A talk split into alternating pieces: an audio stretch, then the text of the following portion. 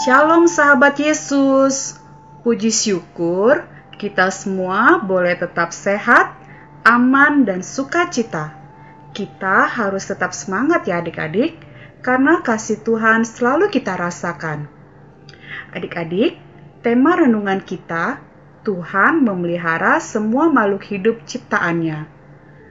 Mari kita buka Alkitab yang terambil dari Matius 6 ayat 25 sampai 35. Sebelum kita memulai renungan, kita berdoa dulu. Tuhan Yesus, terima kasih untuk penyertaan-Mu setiap hari. Saat ini, kami mau mendengarkan cerita dan firman-Mu. Ajar kami boleh mengerti akan firman-Mu dan mampukan kami Tuhan agar dapat melakukan kehendak Tuhan. Dalam nama Tuhan Yesus, kami berdoa. Amin. Mari adik-adik kita baca bersama-sama.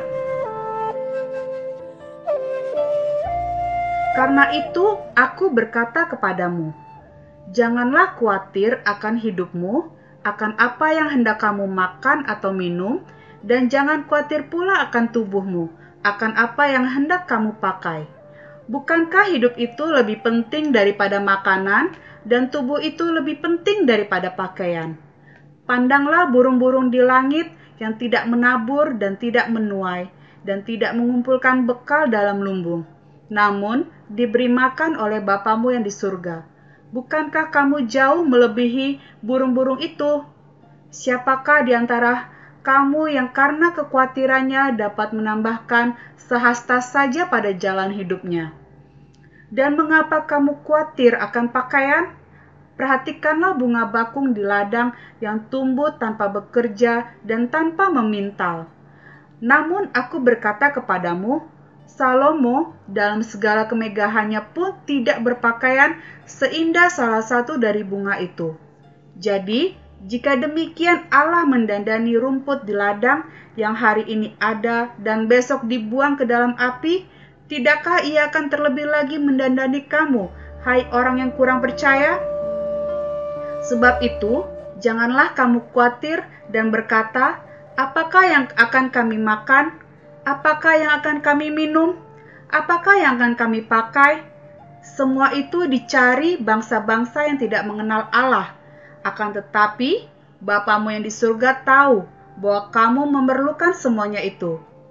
Tetapi carilah dahulu kerajaan Allah dan kebenarannya, maka semuanya itu akan ditambahkan kepadamu. Sebab itu, janganlah kamu khawatir akan hari besok, karena hari besok mempunyai kesusahannya sendiri. Kesusahan sehari cukuplah untuk sehari. Adik-adik, hari ini renungan kita tentang keluarga bulan. Hmm, ada peristiwa apa ya dengan mereka? Yuk kita dengarkan bersama-sama. Papa, aku takut banget, Pak. Ada biawak besar banget di keran air luar sana. Jangan lari, Bulan. Nanti kamu kepleset. Mana biawaknya? Itu, Pak, di keran air dekat mobil. Ya sudah. Kamu diam di dalam rumah saja. Biar papa yang usir biawaknya. Ayo, Pak, Mama bantu Papa ya. Untuk apa pentungan itu, Ma? Ya untuk pukul biawaknya lah papa. Pasti biawaknya jadi tidak berani lagi masuk ke dalam rumah kita. Tidak usah pakai pentungan, Ma. Sudah, sudah. Mama dan Bulan diam saja di dalam rumah. Beberapa saat kemudian, gimana Pak? Masih adakah biawaknya? Tidak ada lagi, Ma. Sudah papa usir. Kita tidak boleh memukul biawak loh. Biawak itu muncul pasti karena mencium aroma ayam yang sedang dipotong bulan. Iya ya Pak. Maaf ya Pak, Mama hampir saja melakukan kesalahan. Papa betul, biawak kan juga makhluk ciptaan Tuhan. Abis tadi Mama takut banget, takut biawaknya masuk ke dalam rumah, Pak. Iya, mah. Aku juga tadi takut banget. Iya, biawak itu bisa masuk ke kompleks pasti karena tempat tinggal mereka sudah mulai sedikit. Makanya biawak itu mencari makan di tempat sampah. Dan kebetulan bulan sedang memotong ayam. Maka biawak itu masuk. Wah, kasihan juga ya biawaknya kesulitan mencari makanan. Meskipun demikian, Tuhan selalu memelihara mereka.